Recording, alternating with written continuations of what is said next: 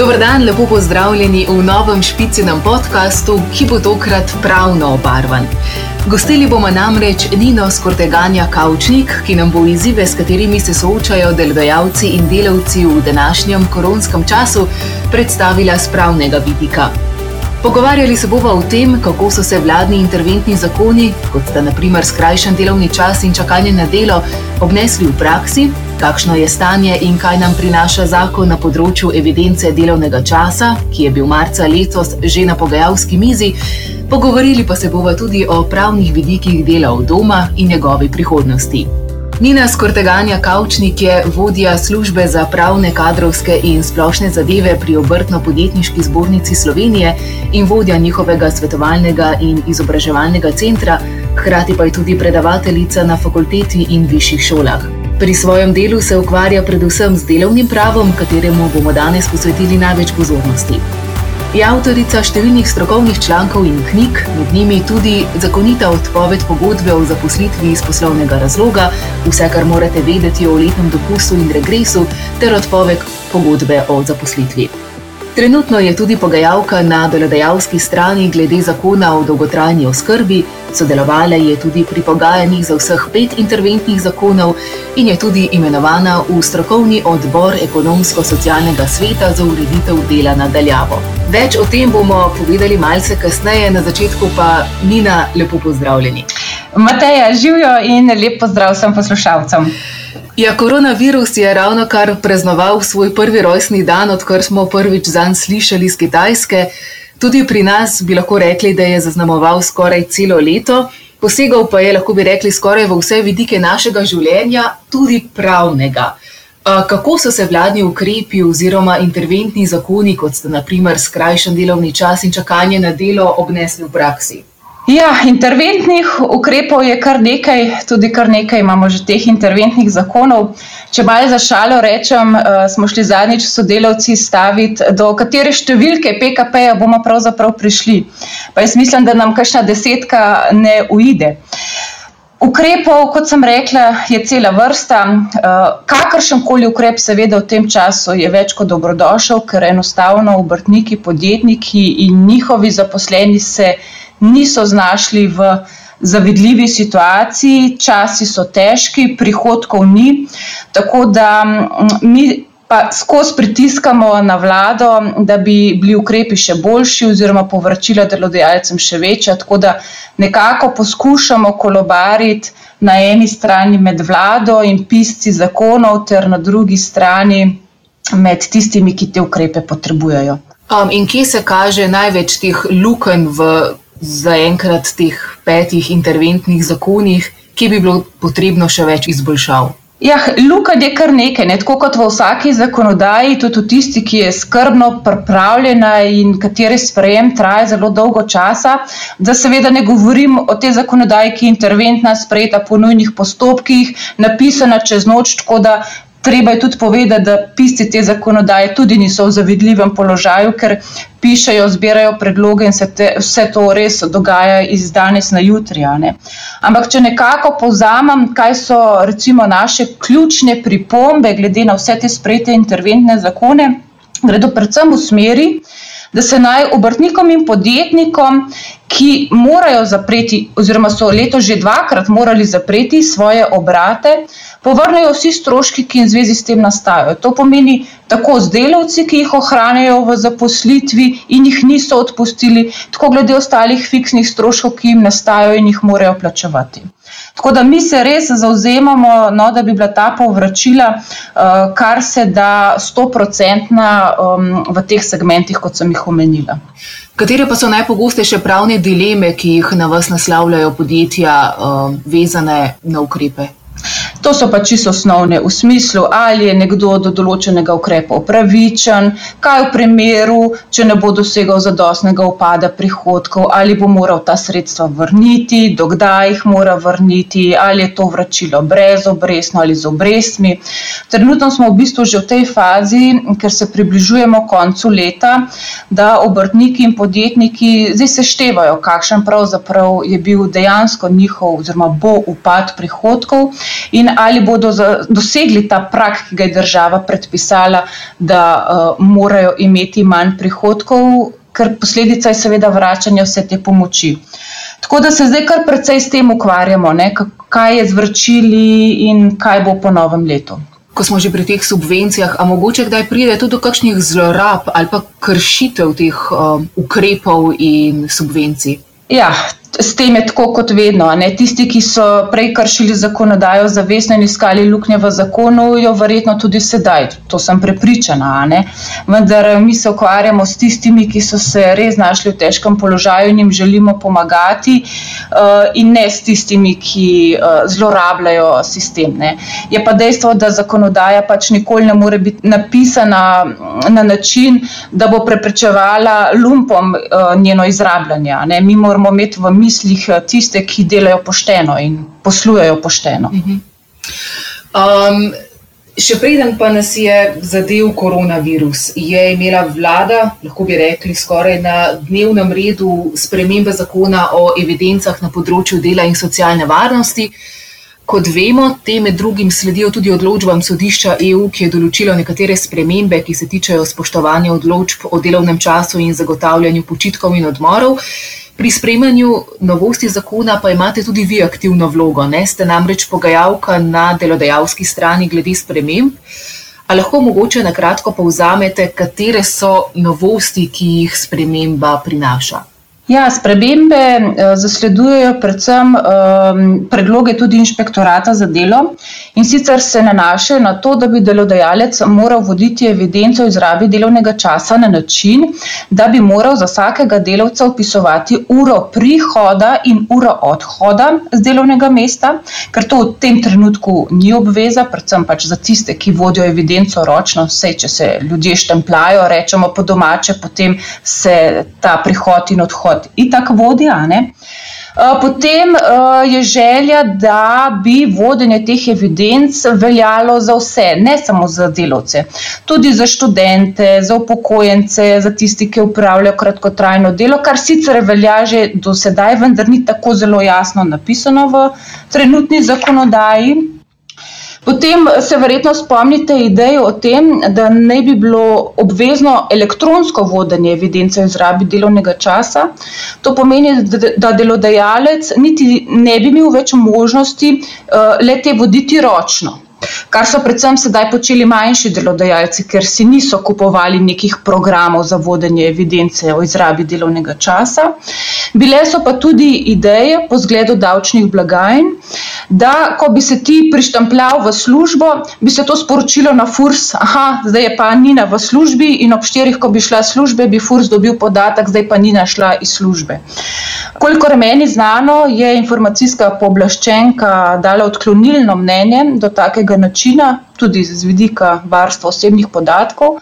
Tako da mislim, da je zdaj ministrstvo od te ideje odstopilo, vendar ne odstopa, saj po zadnjih pogajanjih, ne pa od ideje, da bi bilo pa obvezno elektronsko vodenje. Mhm.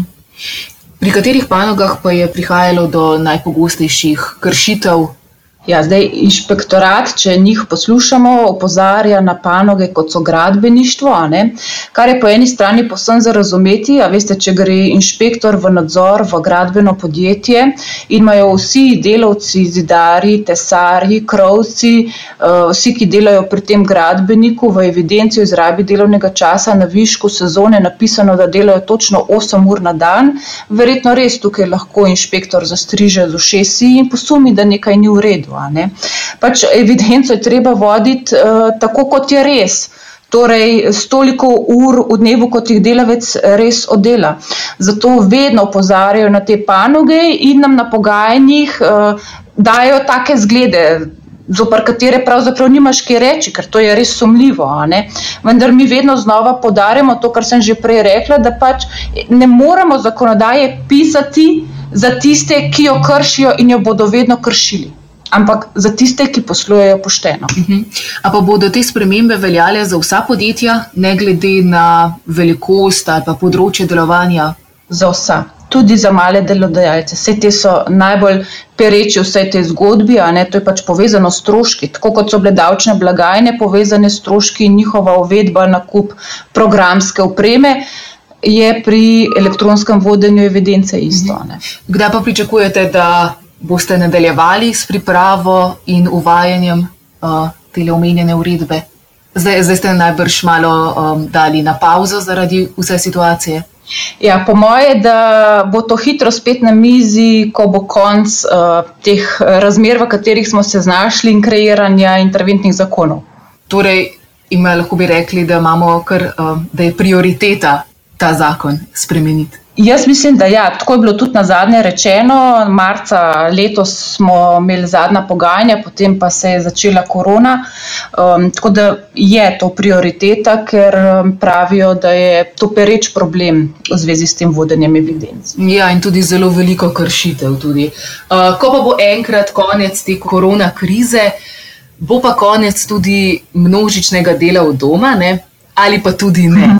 Um, nekaterim je delo doma, kako bi rekli, bolj pisano na kožo, drugi se izgubijo v poplavi umazanega perila in pripravljanja obrokov.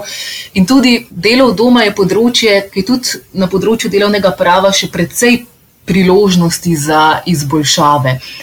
Kako je država prilagodila delovno zakonodajo na področju dela v doma v času epidemije? Eh, pravzaprav moram povedati kot eno zanimivost, ki jo doskrat povem, pa so vsi zelo začudeni. Eh, mi poznamo v naši zakonodaji delo od doma že od leta 1969. Tako da pravzaprav ne govorimo o nobenem novem institutu, zato ga tudi država zdaj v tej korona krizi ni nič kaj dosti prilagajala, ker ga ni imela zakaj. Pravzaprav v zakonu o delovnih razmerih je delo na domu urejeno zakonsko, po mojem mnenju dokaj ustrezno, glede na to, da ta institut do sedaj res ni bil zelo pogosto uporabljiv in se nismo niti z njim kaj dosti ukvarjali. Vendar je zakonodaja kar v redu, mogoče bi bilo treba spremeniti ali pa prilagoditi zakonodajo na področju varnosti in mhm. zdravja pri delu. V, v kakšno, lahko mogoče o tem malo mal več poveste? Ja, zdaj, um, ena izmed ključnih dožnosti delodajalca, preden delovcu bodi si enostransko odredi upravljanje dela na domu, bodi si pa z njim sklene novo pogodbo o zaposlitvi za upravljanje dela na domu, mora preveriti, ali ima de, delavec doma zagotovljene varne delovne pogoje. To zdaj pač preveri lahko na različne načine. Bodi si mu pošle domov varnostnega inženirja, ki ga ima, pa bo to preveril, bodi si z nekim vprašanjem računalnikom ali pa s fotografijami delovnega mesta. Vendar mi pri delu na domu veliko krat napačno razumemo, da je to delo na domu doma, na, eh, tam, kjer delavec biva, ima stalno, začasno bivališče, oziroma kjer je dejansko doma. Ampak delo na domu v resnici pomeni delo nadaljavo. To pomeni, da jaz delam iz svojega vikenda, iz letališča, iz kempa, od doma svojih staršev, prtašči. To je tudi delo na domu. Sicer se poimenuje kot delo na domu, vendar je na ta pojem treba gledati širše, to je delo nadaljavo. Če pa jaz delam nekje druge, pa moj delodajalec ne more več preverjati, ali imam jaz tam zagotovljene zdrave in varne pogoje za delo, ker je pravzaprav to nemogoče. Mhm. Zdaj me še zanima, ali lahko delavec sam zaprosi za delo v doma, če se, recimo v tem primeru korona uh, krize, kjer smo, če se počuti življensko ogroženega. Vedno, vedno lahko, vendar potem je to seveda stvar dogovora med delavcem in delodajalcem. Ne? Tukaj imajo pravzaprav v tem trenutku uh, tudi razglašene epidemije delodajalci dva možna načina odrejanja dela na domu. Eno je z enostransko odredbo, to pomeni, da delavca v bistvu postavi pred dejstvo, da mora delati od doma, zdaj neko določeno časovno obdobje, ali pa bodi si na prošnjo delavca ali pa na predlog delodajalca, sklenete novo pogodbo o zaposlitvi, kjer napišete, da delavec lahko tudi upravlja delo na domu. To so pa bolj primeri, ko bo delavec verjetno upravljal delo na domu tudi potem po koncu teh izrednih okoliščin. Verjetno se bo ta oblika dela malo bolj prijela, kot se je pred uh, korono in bo več delavcev delalo uh, na domu, kot jih je pred korono. Ja, se ravno to sem še, še, še hotela vprašati. Kako mislite, ne, kaj, kaj se bo tudi dogajalo z delom od doma v prihodnje, če na to pogledamo z pravnega vidika? Sigurno bo tega več. Očitno smo prebili nek let v zvezi s tem, ker roko na srce gre za eno bolj napredno obliko upravljanja dela, kot je to na sedežu delodajalca. Jaz sicer veliko krat pravim, da za delo na domu morata biti zrela dva, to je delavec in delodajalec. Ker s tem, da ti delavcu omogočiš delo na domu, potem pa v drugem koraku daš zapisati časovnice, pa neka strašna poročila, kaj je delal, koliko je delal, da upraviči vsako minuto ko je delal na domu, to v resnici nima nobenega smisla. Ne? Torej, pri delu na domu mora biti za neko zaupanje, vzajemen odnos, tako kot sicer velja v delovnem razmerju.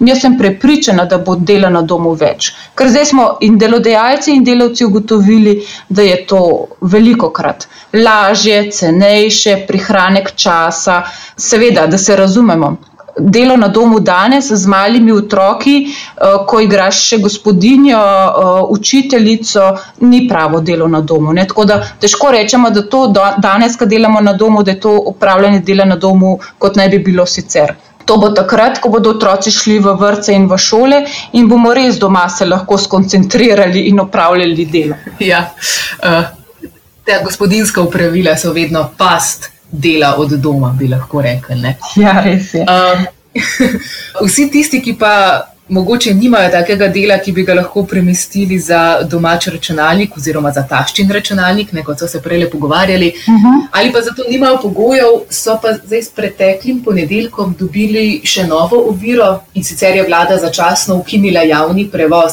Ali je nezmožnost prihoda delavca na delo zaradi tega vladnega ukrepa lahko višja sila? Ja, to je višja sila, ki obstoji na strani delavca. To pomeni pravzaprav, da če pride do te situacije, da si delavec ne more zagotoviti prevoza na delo, recimo niti ga ne more peljati sodelavec ali pa kakšen od sorodnikov, ni nekega delovskega prevoza. To pomeni, da dejansko zaradi više sile ne more priti na delo. Delavcu pripada nadomestilo plače, ki je v višini polovice plačila, ki bi ga prejel, če bi delal ne pa manj kot 70% minimalne plače, delodajalcu pa to nadomestilo plače ne bo povrnjeno. Zakaj ne?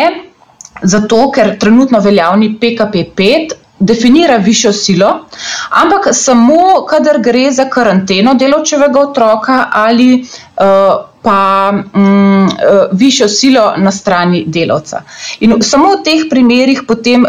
Pripada delavcu više povračilo nadomestila plače, delodajalcev pa to nadomestilo je povrnjeno strani zavoda. Tako da jaz upam, saj eh, veliko uh, predlogov smo dali v tej smeri, da bi v šestki uh, bila kot višja sila opredeljeno tudi ta zaustavitev javnega prevoza. Uh mhm. -huh. ne, to bi potem pomenilo, da bi delavec dobil več, večje nadomestilo, delodajalcev bi bilo pa povrnjeno. Uh mhm. -huh. Kdaj pa bo ta šestka, se že kaj ve? Eh, sam še kaj ne. Šestka je bila že sprejeta na vladi, uh, mislim, da je danes obravnava na odboru za finance in pa je planirajo za ta teden že izredno sejo državnega zbora. Tako da do konca meseca bi lahko že veljala. Aha. In potem ste rekli še nekje do deset, da bomo prilezli. Sedemka, sedemka je tudi že realnost. Aha, osemka pa še v povojih ali kako? Ja, osemka pa v povojih, desetka pa po, mo po mojem tudi že bližnja prihodnost. o, oh, Madonna. Um, kaj pa, če se nam kljub zdaj vse te distanci, vseh zakonih, umivanju, razkoževanju, vseeno zgodine, zbolimo za koronavirusom? Kakšen razlog za državnosti mora imeti delavec, ki je zbolel? Izolacijo.